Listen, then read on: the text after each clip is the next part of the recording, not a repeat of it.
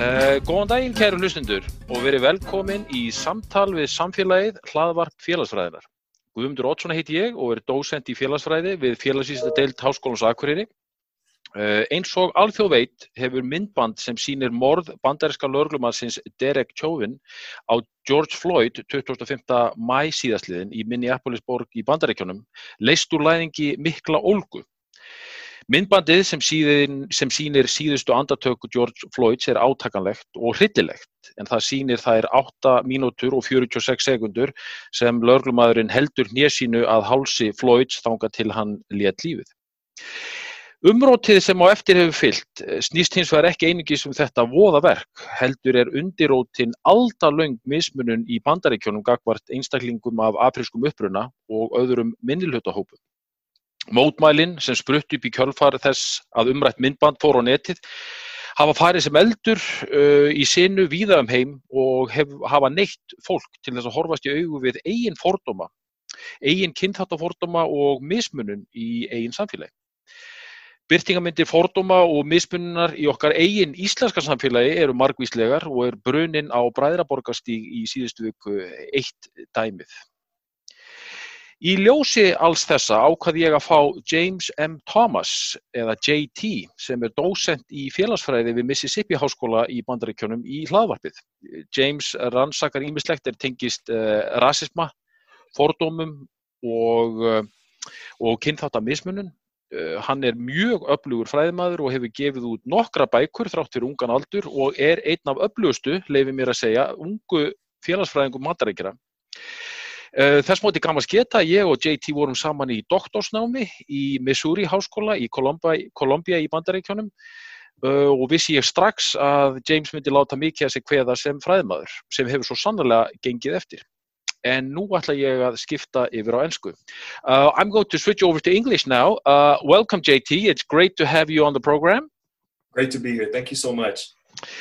So, uh, as with all our guests, we like to start off by uh, asking people a little bit about their educational background. Uh, can you fill us in?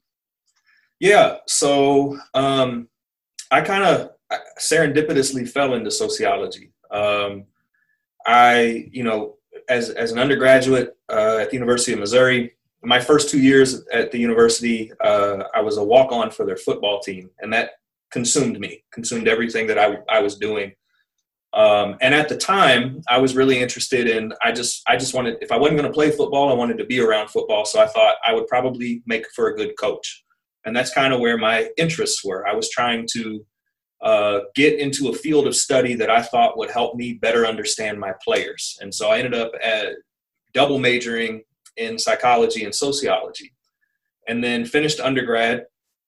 Was looking for um, you know a coaching gig and also needed a job. So I started working for uh, the state of Missouri's, uh, it was, I think it's still called this uh, Division of Youth Services, which is basically the state's uh, program for juvenile felony offenders. So if you are a felony offender in the state of Missouri uh, who is under the age of 17 or younger, then you would get sent to us. And I worked at a minimum secure facility in mid Missouri for about a year, still looking for a coaching job, hoping I was going to land into coaching.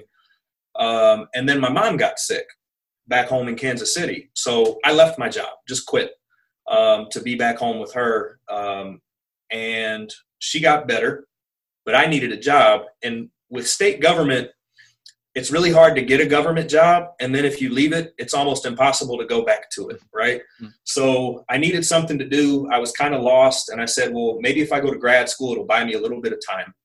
Um, and i reached out to uh, wayne Brekhus actually who had taught my senior seminar um, and i thought i did pretty well in it but i liked wayne a lot. Wayne was one of the few professors in undergrad that i that i felt like i had a connection to.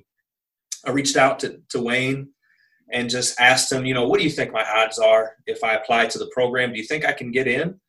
Um, and he was really encouraging. He he said, you know, apply. Um, you know, he he thought that I he thought that I could be a good fit, and that Mizzou would be a good fit for me in the grad program. So I applied, and I got in. And again, I'm only intending to maybe get a master's, and then I'm still looking for coaching gigs. But it was that first semester in grad school, and it was really Clarence Lo's theory class, which was like the class we all had to take.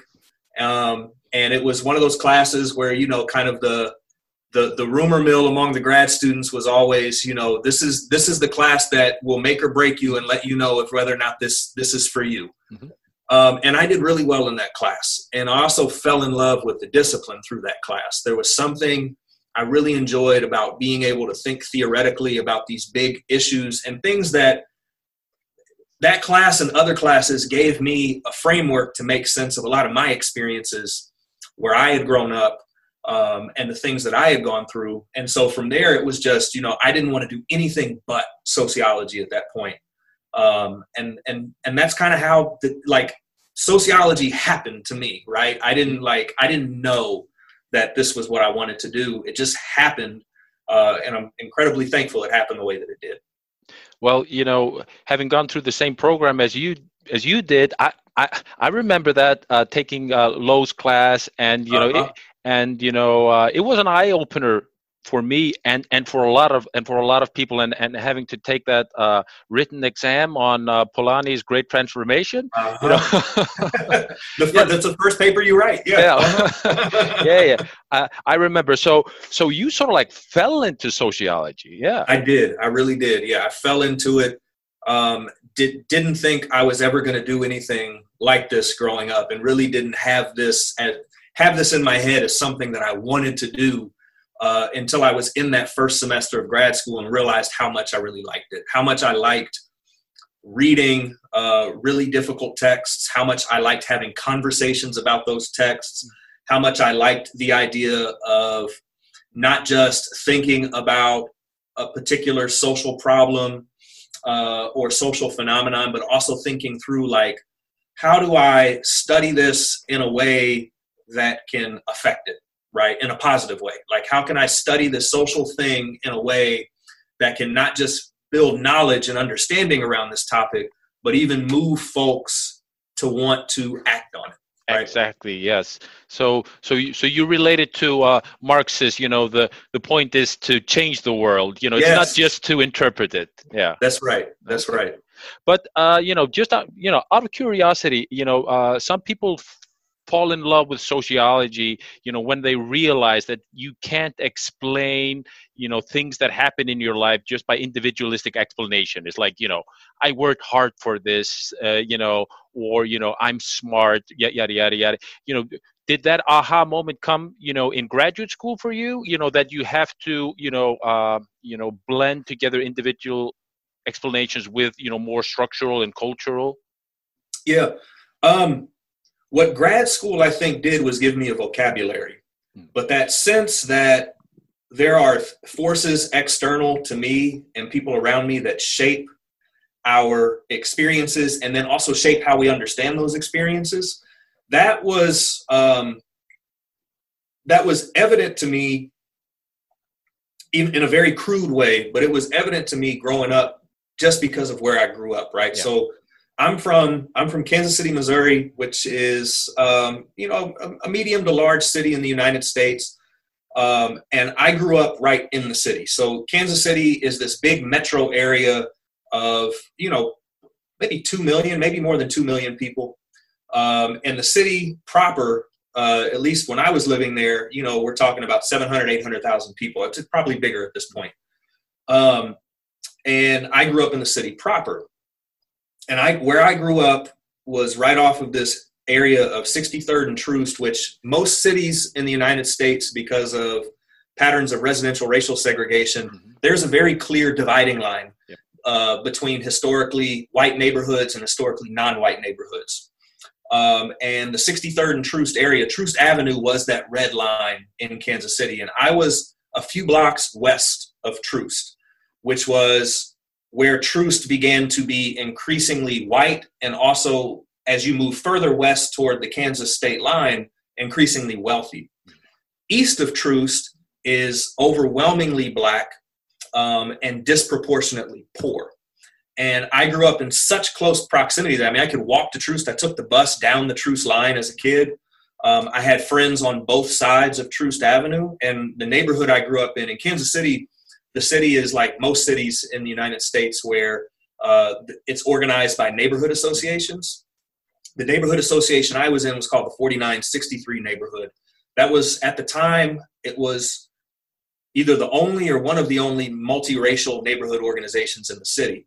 And my mother was a block captain for that association. So we would go to the meetings. And at the neighborhood meetings, you know, you you saw especially as as people who live in the neighborhood would come and they would you know they would tell you you know kind of their, their concerns or the problems that they're having you could see very clearly even as a kid the kinds of problems that people were bringing to our attention from east of Troost in the predominantly black and disproportionately poor neighborhoods were different kinds of problems than the kinds of problems that were coming forward from residents who lived west of Troost, right? So even as a kid, you know, I'm asking my mom questions. Um, I'm starting to understand certain things. My friends who live on the east side of Troost have a very particular perspective, as did their parents. And, you know, you listen and, and you pay attention to it. But when I got to grad school is when I had a vocabulary. Yes. Or when I developed a vocabulary that could then make sense of these things and frame them in a way that that was like, if there's an aha moment, it was because now I had the language. Language, right? la- language to piece the piece the pieces together and make and, and start start making sense of it. That's right. That's okay.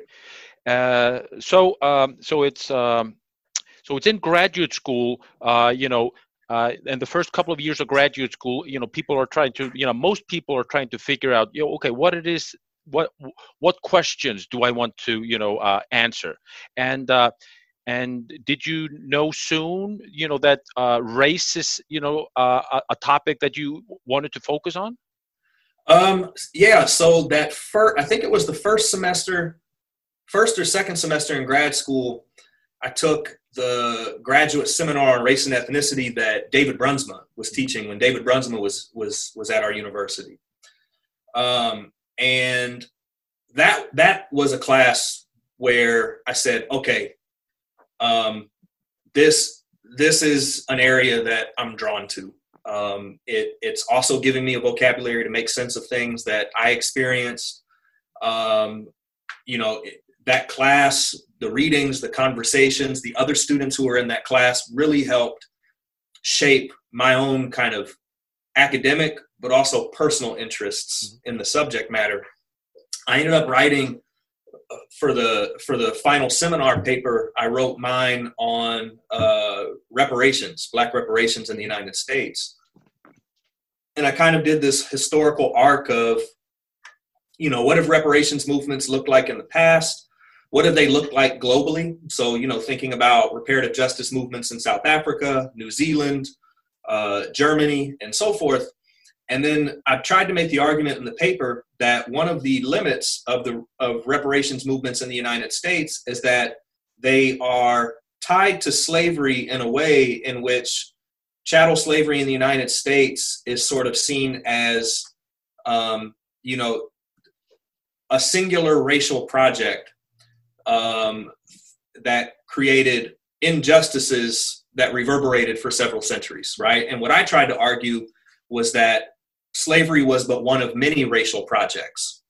Jim Crow was also a racial project, right? Certainly that emerges out of uh, the post Reconstruction era, um, but and and but was distinctly slavery by another name, right? In in the kinds of effects it has on racial inequality, the kinds of effects it had on uh, preventing uh, wealth transfers, intergenerational wealth transfers among African American families. I mean, it's during the Jim Crow period where newly emancipated African Americans who are a generation removed from slavery begin to have their land taken from them by law, right?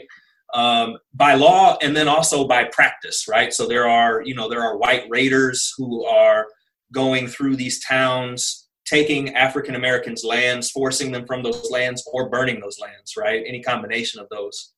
Um, and that any yeah go ahead uh, sorry uh, just for our listeners can you explain in uh, you know just uh, quickly what do we mean by reparations and yeah Jim yeah Crow yeah, era sure. yeah yeah so re- reparations is a is a kind of a concept in jurisprudence where if there is a wrong or a harm that is done to a, a, person or a group of people, and when we talk about it in sociology, we're talking about group based or collective reparations.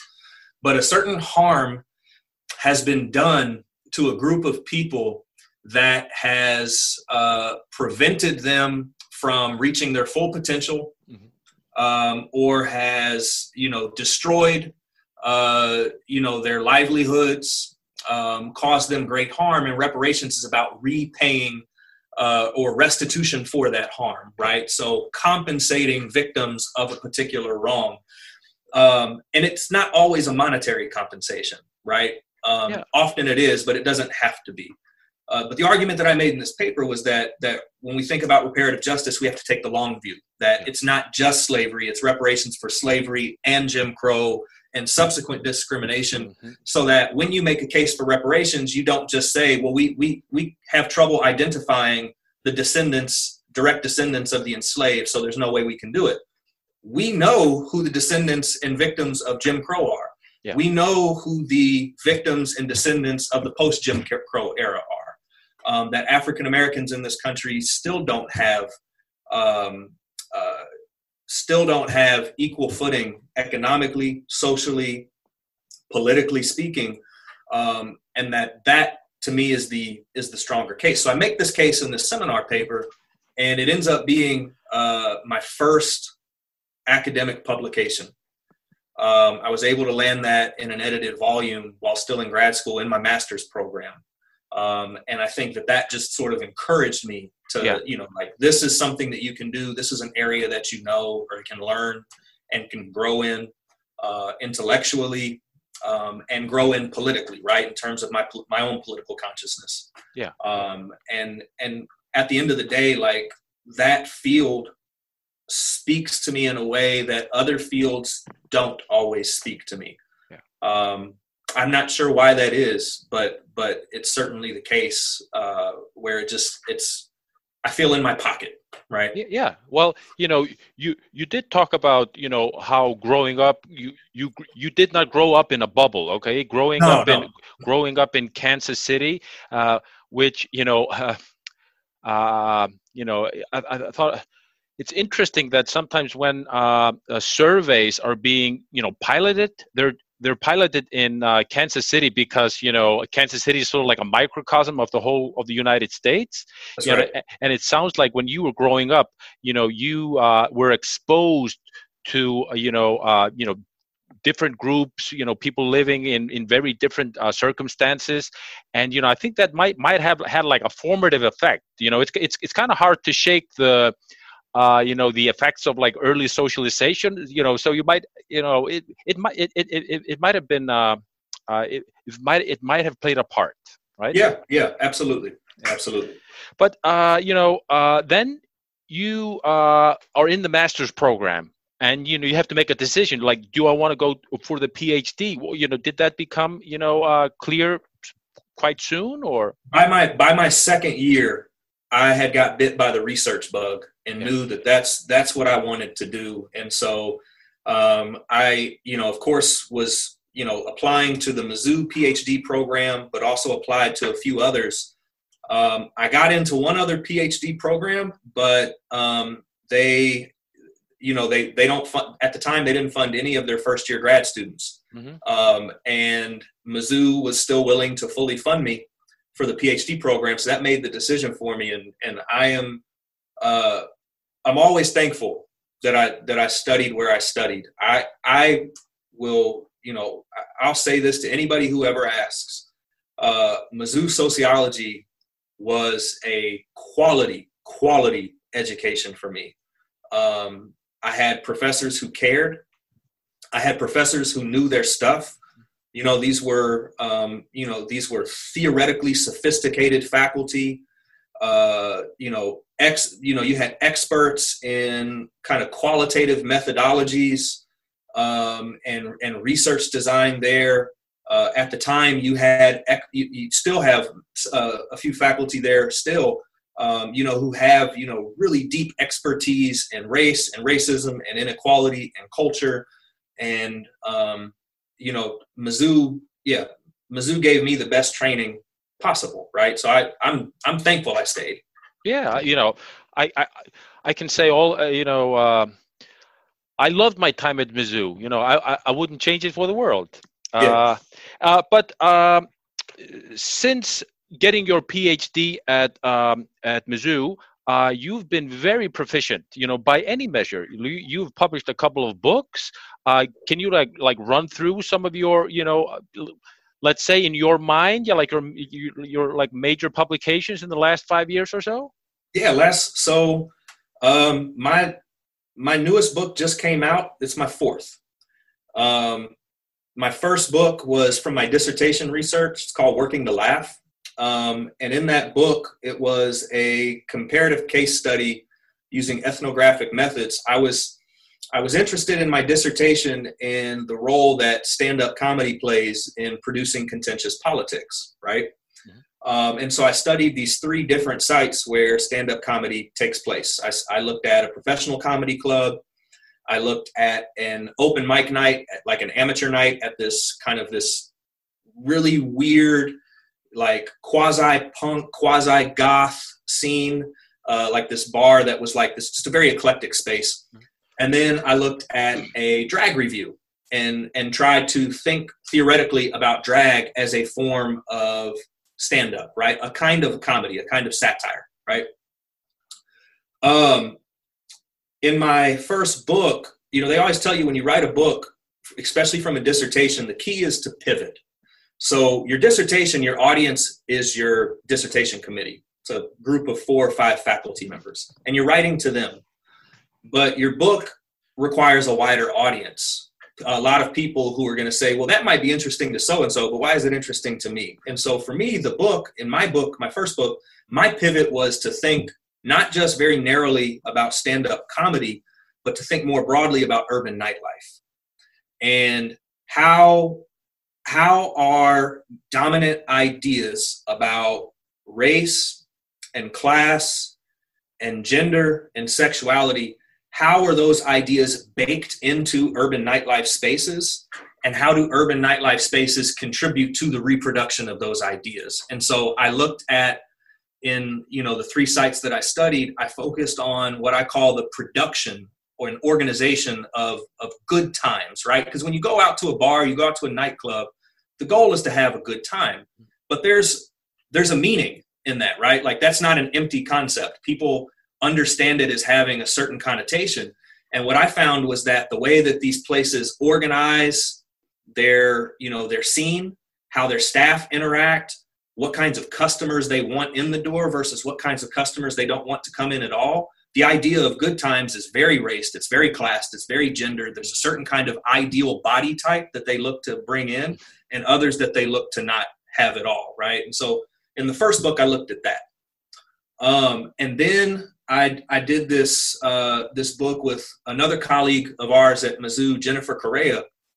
We wrote a book together um, about affective labor, which in, in my dissertation was, and, and in my first book was the kind of labor that I was talking about, right? That it's the labor involved in producing a certain set of affects that become embedded in places and even in groups of people. And we took that concept and we explored uh, some of her own work and then some of my work in combination um, to see you know the affect of labor involved not just in urban nightlife but in her own work. She looks at the us mexico border. And so we we tried to theorize and think about how you know an affect like fear is organized and deployed in that space in a way that controls who moves in it and who can't move at all right um, and so those books came out pretty close together and then i again, a lot of things in my career, Gumi, have really happened to me kind of serendipitously. Mm-hmm. I have to be honest. I, I, I don't like the concept of luck because it's not a very sociological concept, but um, things have fallen into place in a way that I'm, I'm just thankful for. I was, you know, I'm, I'm here at the University of Mississippi. Uh, at the time, I'm a visiting professor. I'm on a one-year contract, and uh, we bring in this cultural historian to give a talk on campus. His name is Sander Gilman. Sander Gilman is, you know, one of the preeminent cultural historians in the world, um, and especially uh, among cultural historians of the race concept.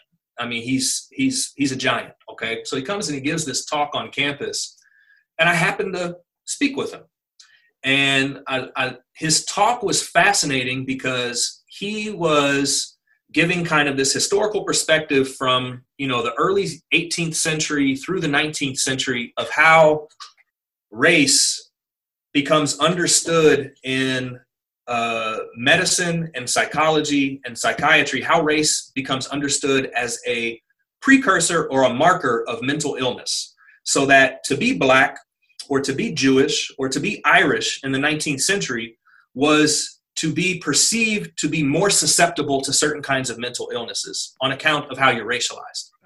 At the same time that he's working on this project, I had come across this study uh, or a write up of a study from uh, Oxford University, University of Oxford, where um, this interdisciplinary team of neuroscientists they had done this controlled experiment where they gave half the group a placebo and the other half this uh, beta blocker called propranolol, which is a heart medication.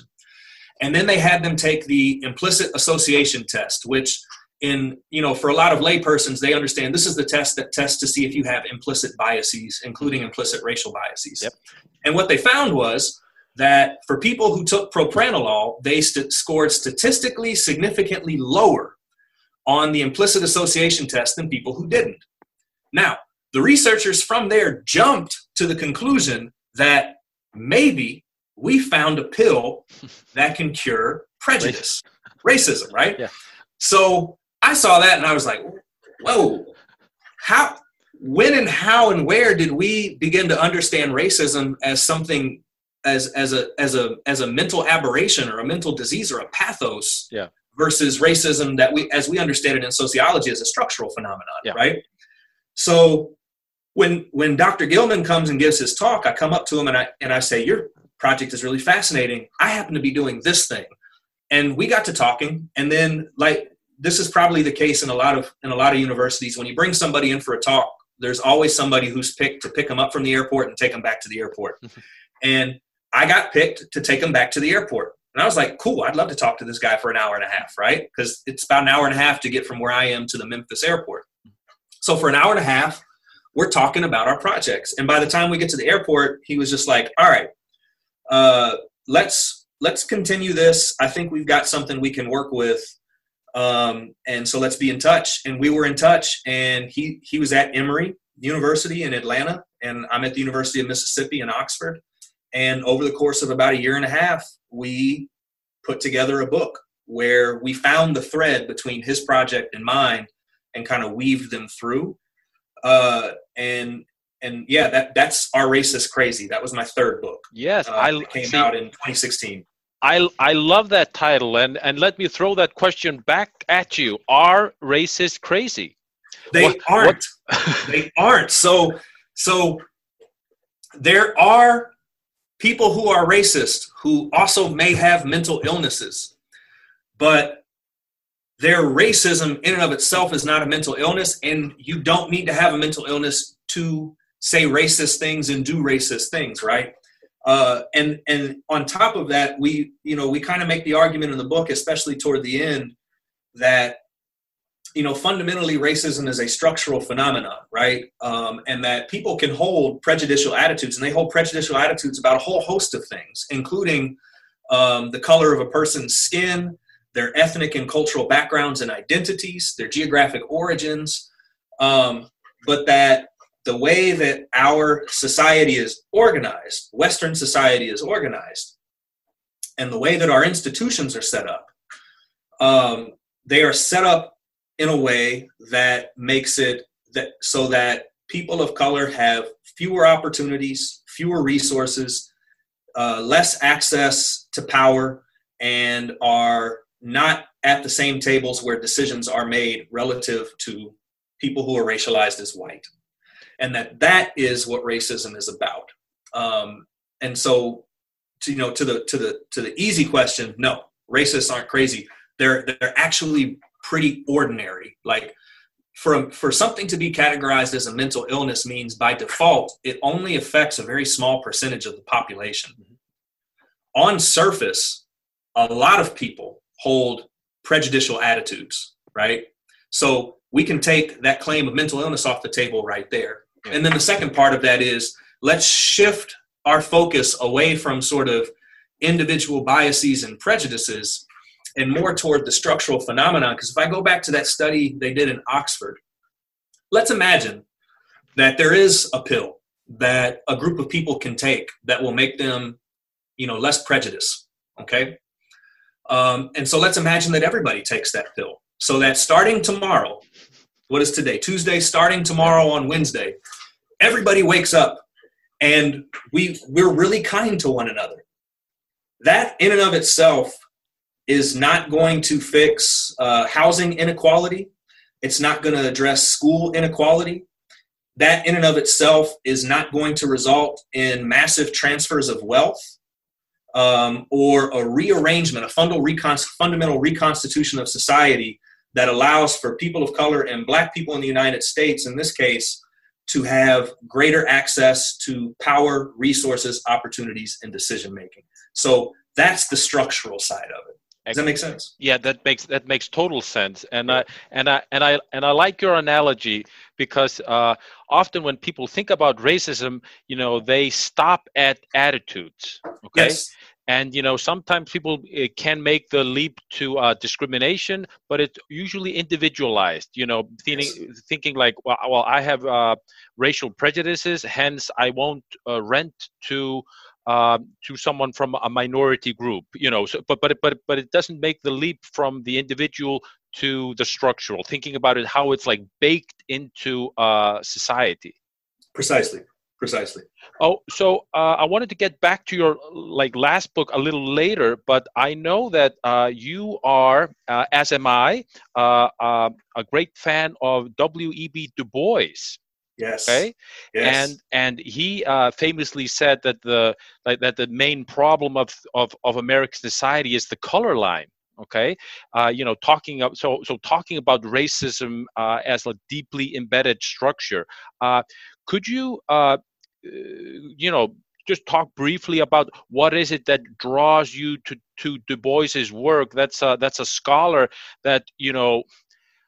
I don't even want to use the word ironically. You know, it's it, it's a shame that you know uh, that Du Bois uh, isn't up there with you know Durkheim and Weber and Marx and, and and these people that everyone quote unquote knows that know anything about sociology. But you know, you do come across people you know, uh, that don't know the first thing about Du Bois. That's right.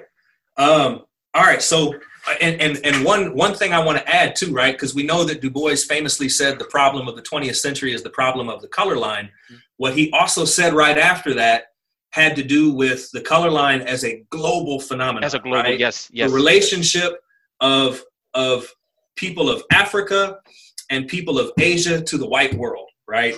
Um, and so that even when Du Bois is writing that line, he's beginning to think about race as a global phenomenon, which was a mark, uh, you know, a, a, dramatic shift from how people had understood it prior, right? Yeah. So Du Bois.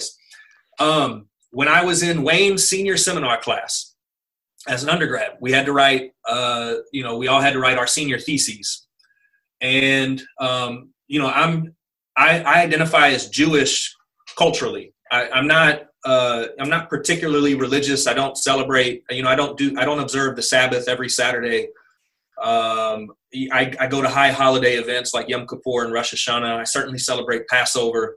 Um, but other than that, you know, my connection to to to my my Jewishness is is very much a cultural connection. And we read Souls of Black Folk in our senior seminar, and the concept of double consciousness was just really interesting to me. I, I was really uh, drawn to it in terms of thinking about what it means to be a Jew at the time in a Midwestern place in which there aren't a lot of us, right? And, and, uh, and, and, sorry, can you explain what do we mean by the concept double consciousness? Because I think it's a very yeah. useful concept.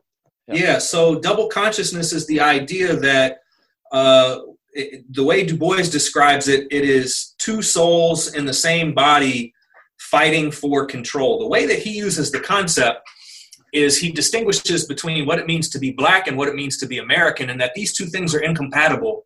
And for him, in the uh, in the early in the late 19th, early 20th century in the United States, because to be American, you cannot be black, right? That to be black is antithetical to what it means to be American.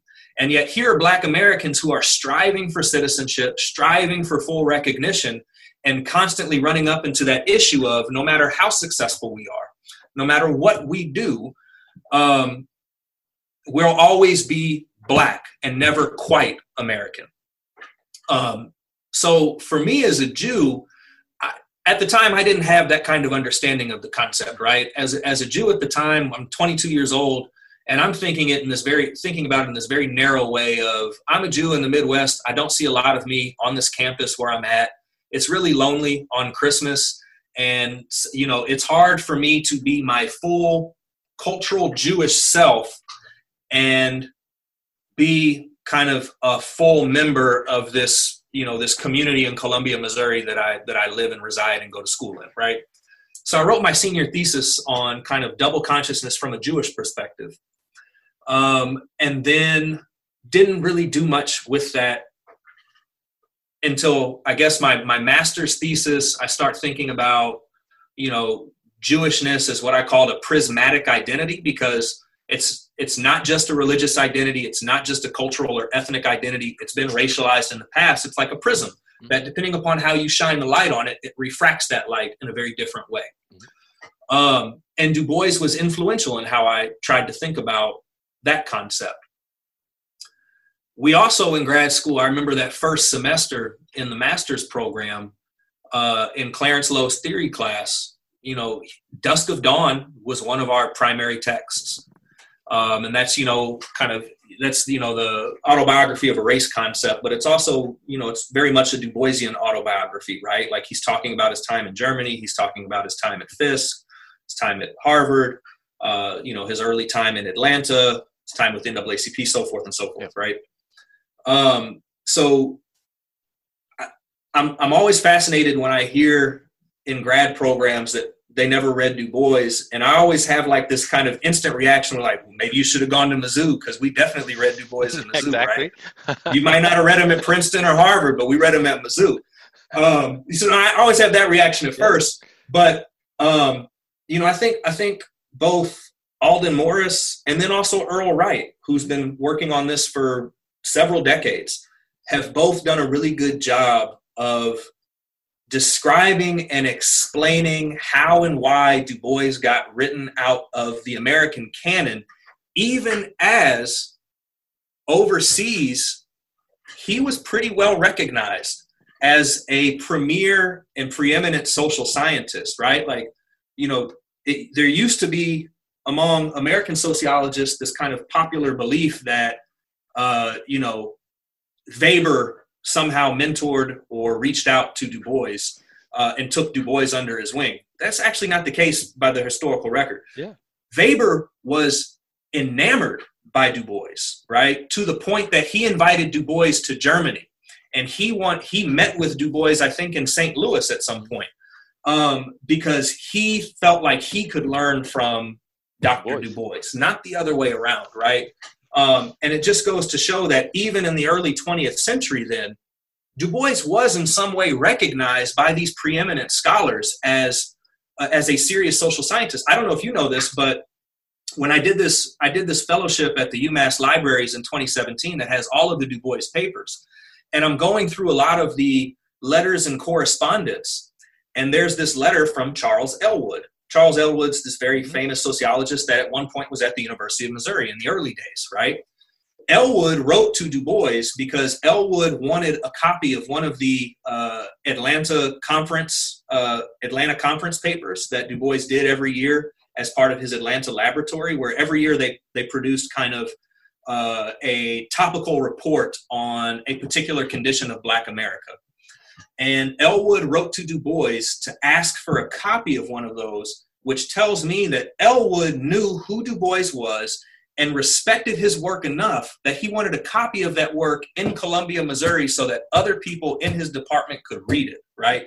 People knew he was the real deal. They also knew he was black. And it was because he was black that they couldn't accept him as the real deal. So here now we're circling back to that concept of double consciousness. Exactly. Right? Yeah. And- so, yeah. Sorry uh, just you know focusing on that concept of uh, black consciousness uh, uh, sorry uh, double consciousness uh, do you think that it's helpful for us to uh, use that you know in the light of recent events you know because the horrible murder of George Floyd, you know, the the protests that we've been seeing over the last uh, couple of weeks that have like spread to many countries actually around the world, even uh, up in the far north of Iceland, we had a couple of hundred people uh, show up to uh, uh, for, for, for demonstrations, um, and. Uh, do you think that this concept is uh, is helpful for for uh, for people to understand uh, where uh, people are coming from that are uh, showing up to express their um, anger? Yes, I, I, think it. I think it remains relevant, um, and that one of the less examined pieces of double consciousness is the relationship between race and nation, mm. right?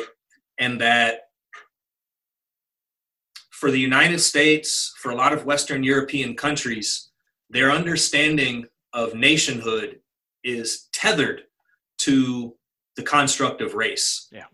So that for those who are in the United States, those who are non white, they get racialized in a way that calls into question their citizenship status and and makes it so that they are either second class citizens in terms of their treatment in this country or they're not citizens at all right?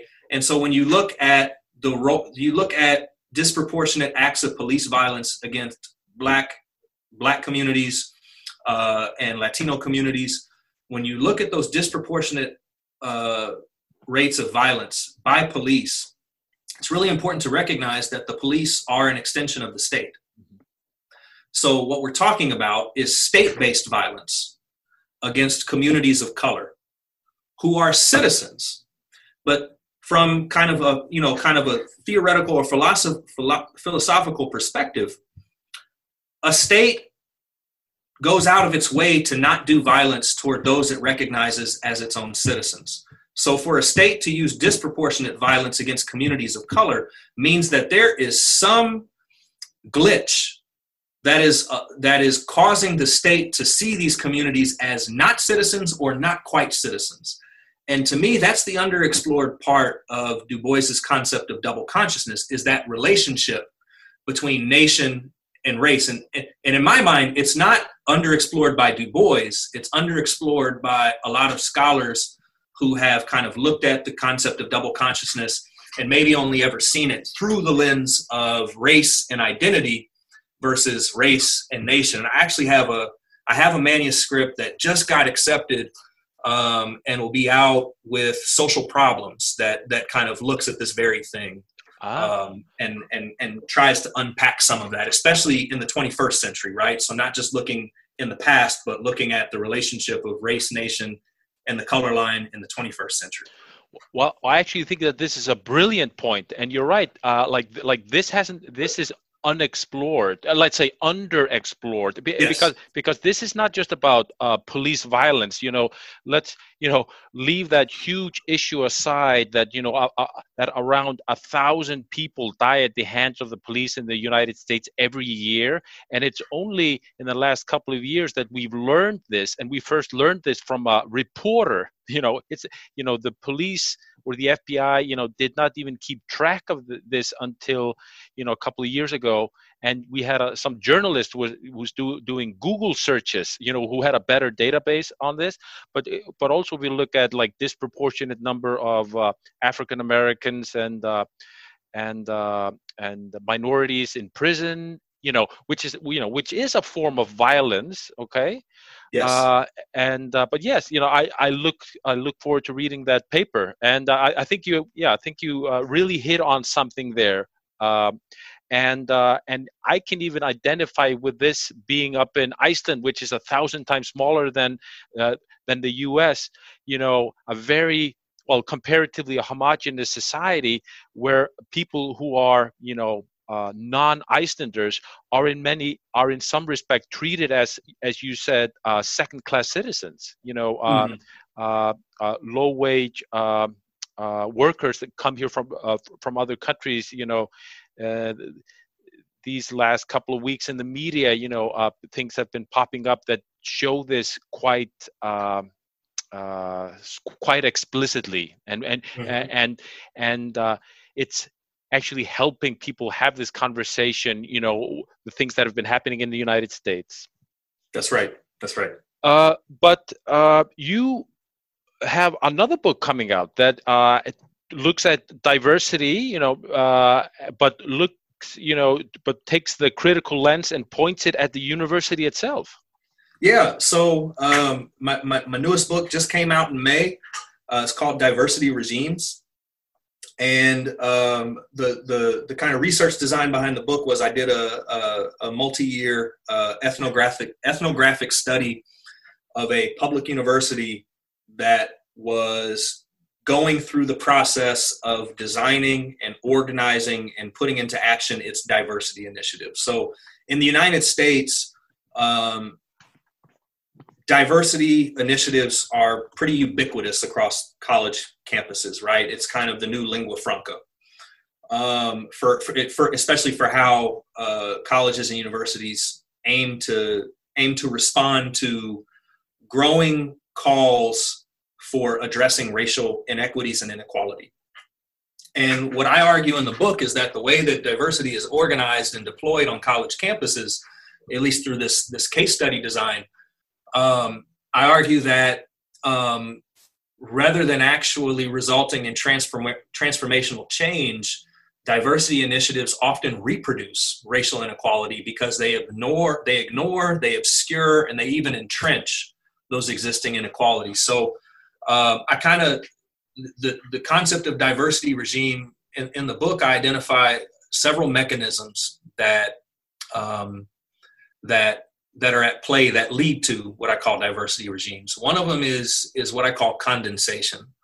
So what I found in my work was that when people particularly people who are kind of tasked with doing diversity work on a campus, so administrators, some faculty, some staff, and even student leaders, um, they they don't have the same concept or definition of diversity. It's it's pretty varied, right? So for some people, when they talk about diversity, they're talking about you know the need for uh, uh, more equitable representation of racial and ethnic minorities, which is how you know I think we think it's what we think it's supposed to mean. Mm-hmm. But for others, it was all over the board. Some people talked about it in terms of geographic diversity, so having people who come from different parts of the United States to school here in state versus out of state students. Other people talk about educational diversity, so making sure that your whole department doesn't all have people who did their PhD at the same university, that that's diversity. Um, and then other people, I kid you not, in a in a in a diversity training workshop, the facilitator started it out by saying, "How many of you in this room are left-handed?" and when a few people raised their hand, they said, "See, that's what we're talking about when we're talking about diversity." So if oh. diversity oh. can be about race, and it can be about geography, and it can even be about dexterity, it's a bitty, it's a it's a it's a bit of a empty concept mm-hmm. in that sense. You can fill it with anything you want. Yeah. And that makes it really hard to do anything concrete that's going to change existing inequities because we don't have inequities when it comes to people who are left versus right handed, but we do have inequities grounded and based in race. Um, and so condensation was one of the key mechanisms I found in my project that, uh, that made it so that diversity was never really ever going to be able to fix racial inequality. I also found that, um, you know, colleges, universities are really interesting organizations. Um, because of the concept of academic freedom, we have extended, and I, this is a good thing, departments and faculty members and divisions are free to kind of take a general mandate or policy from you know central administration but then do with it what they want right? It, you know administration says you know we need to offer a wider range of courses that talk about inequalities. Well what a department does is they go through their whole list and they say flag a course that talks a little bit about inequality and we'll add that to the list right? Yeah. Um, we are a highly decentralized structure a, a university or a college is okay? And because we're decentralized, it often means that departments and divisions aren't always in communication with one another and often don't know what each other is doing. So if you're trying to do a campus wide diversity initiative and you already have people who have widely different understandings of what diversity is, what they're doing in their own little department or unit on campus is going to be widely different than what's being done somewhere else. There's no centralizing mechanism so that everybody's on the same page and working toward the same very clear goals, right? Um, and so decentralization was also a major impediment to uh, to addressing concrete racial inequalities. And then the third the third component that I'll that I'll mention uh, that that I identify in the book is what I call staging difference. Uh, I found this was pretty common. Um, black faculty and black staff are often asked to be the face of diversity for campus initiatives. Um, there, so much so that it becomes almost a performance culture, right? So that when there is a need to talk about diversity, the university and goes and finds, you know, the common set of three or four black men or women who can get up there and talk about diversity so that the university can point to them and say, look, this is proof that we're doing diversity the right way. The rub I found was in talking to these black men and women were that, you know, they're getting constantly pulled into these meetings, constantly asked to do this work that's not compensated for them, and it's not part of what their actual job is, right? Some of them are, you know, is one of them might be a history professor that studies uh, medicalized racism in the 19th century, but her area of expertise is not in administering diversity programs uh, for college students that are usually done through student affairs. She has a very particular scholarly focus over here, but because she's a black woman, she's being asked to do this work over here because they believe that as a black woman as a black woman she can best represent what it is that the administration wants her to represent right? And it's a kind of a tax that faculty uh, and staff are are being asked to pay again without any additional compensation um, and and also because it's so decentralized and because diversity means all of these other things that a lot of the people i spoke with are constantly frustrated that they do all of this stuff. They get out there they put their political capital on the line and then nothing changes right? Nothing yeah. happens. It stays the same.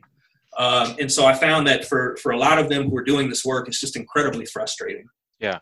So if, if we uh, if we think about like you're studying let's say a microcosm you know a, a, university is a society okay? Yes. And and and, and it seems like uh, you know uh, uh, faculty of uh, of color or or underrepresented faculty are being used as tokens okay? And and uh, and uh, and no real change is being done you know it's it's it's window dressing okay? Yes. Uh, if we take that and move on to you know um us society okay and uh, in you you know in your mind like like what is happening now okay like uh, are um, are people just fed up?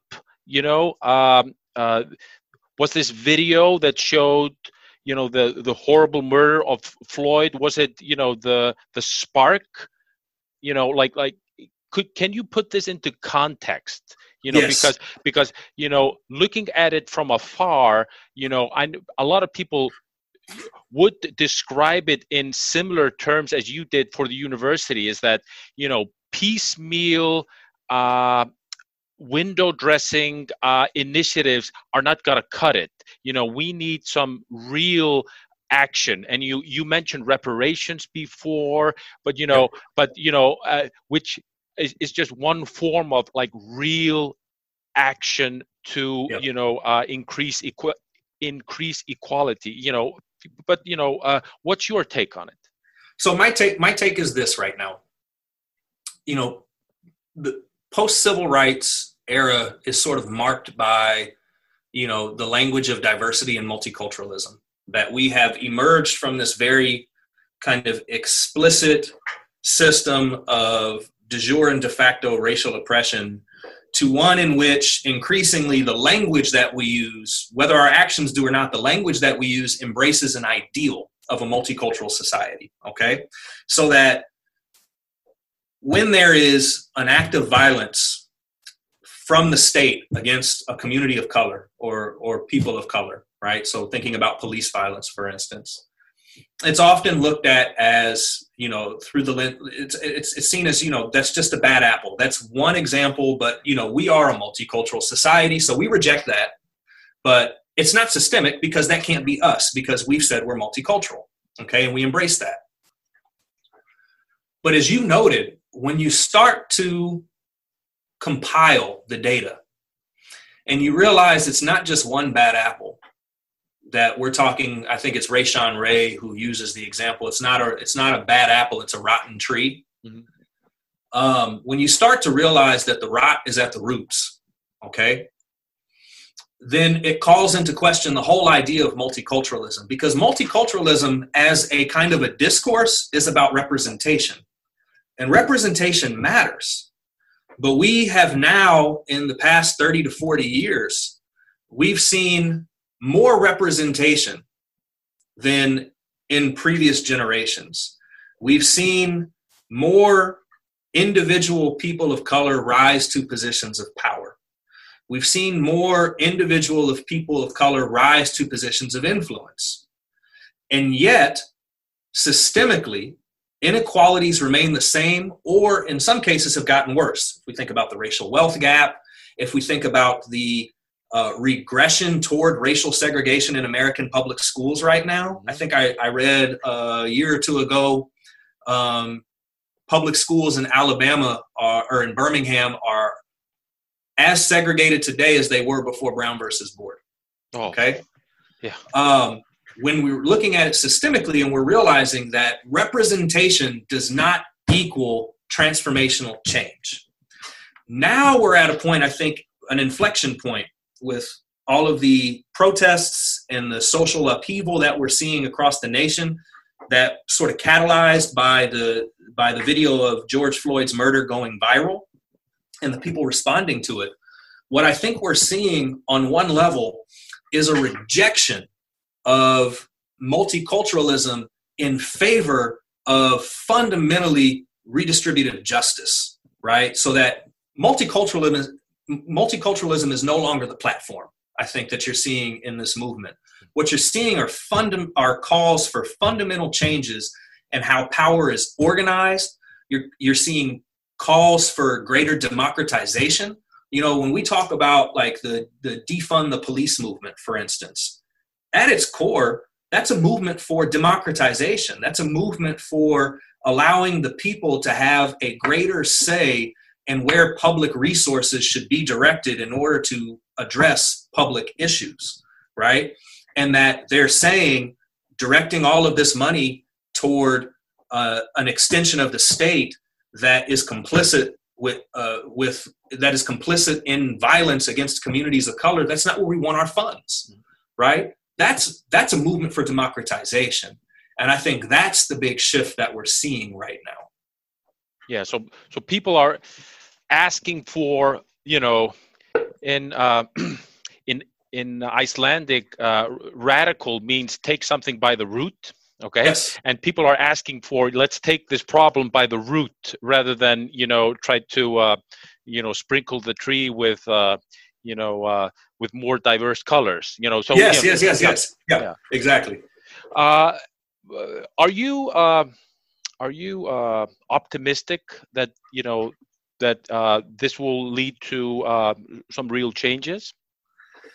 Um, you know, I, I, I kind of have that Marxist perspective, right? Where, you know, it's a dialectic, Gumi. Yeah. So we've got, you know, you've got thesis, you've got antithesis, mm-hmm. they collide, and synthesis. Yeah. And what that synthesis looks like, it will grow out of that collision. Yeah. Right. Um, it may be that it is just a, you know, a a new kind of racial project by another name it also may be that it becomes truly transformative. If enough people remain mobilized um, and this movement continues to build and extend itself and articulate you know a common set of demands that cut across lots of different other groups um, then yeah we might see transformative change I, I don't want to view it through the lens of kind of racial progress because i find that that really problematic and uh, Louise Seamster and Victor Ray write about the problems with kind of racial teleology, right? Yeah. Um, so I don't want to look at it through that lens, but I also, you know, if I don't have hope, what do I have, right? Um, and yeah. so I, I I try to always remain hopeful because I work I work with and around so many great young people who are on the ground and are involved in these movements and I see the good work that they're doing and I see some of the good results that they're getting on the local level, right? And so I am encouraged. I am encouraged by that.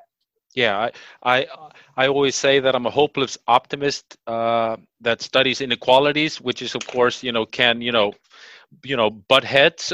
yeah. Uh, but but but but as you mentioned, you know if if we have if you don't have hope like what do we have left?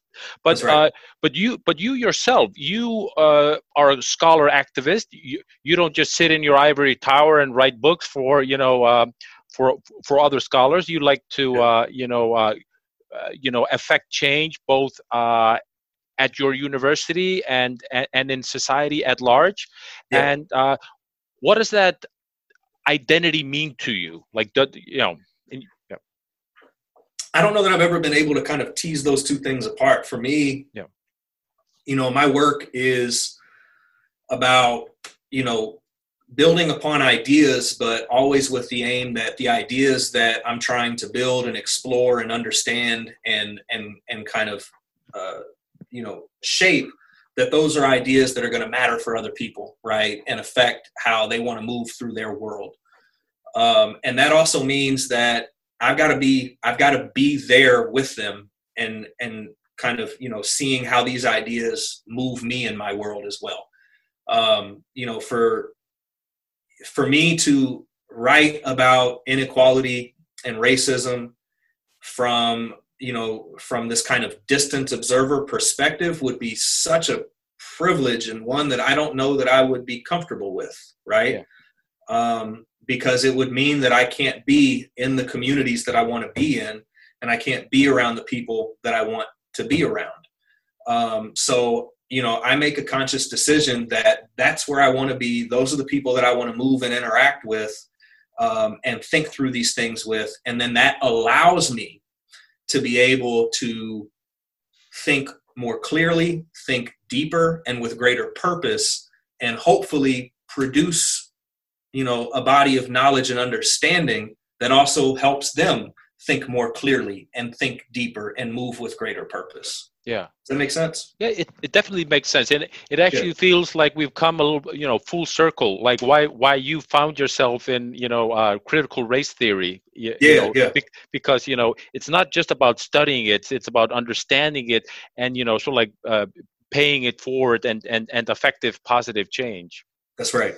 That's right uh, but uh, JT, I could talk to you for hours, uh, but uh, I think um, we have reached, uh, you know, our time limit for for the podcast. is there anything that you feel that that you want to get across before we put the dot, as we say here in Iceland?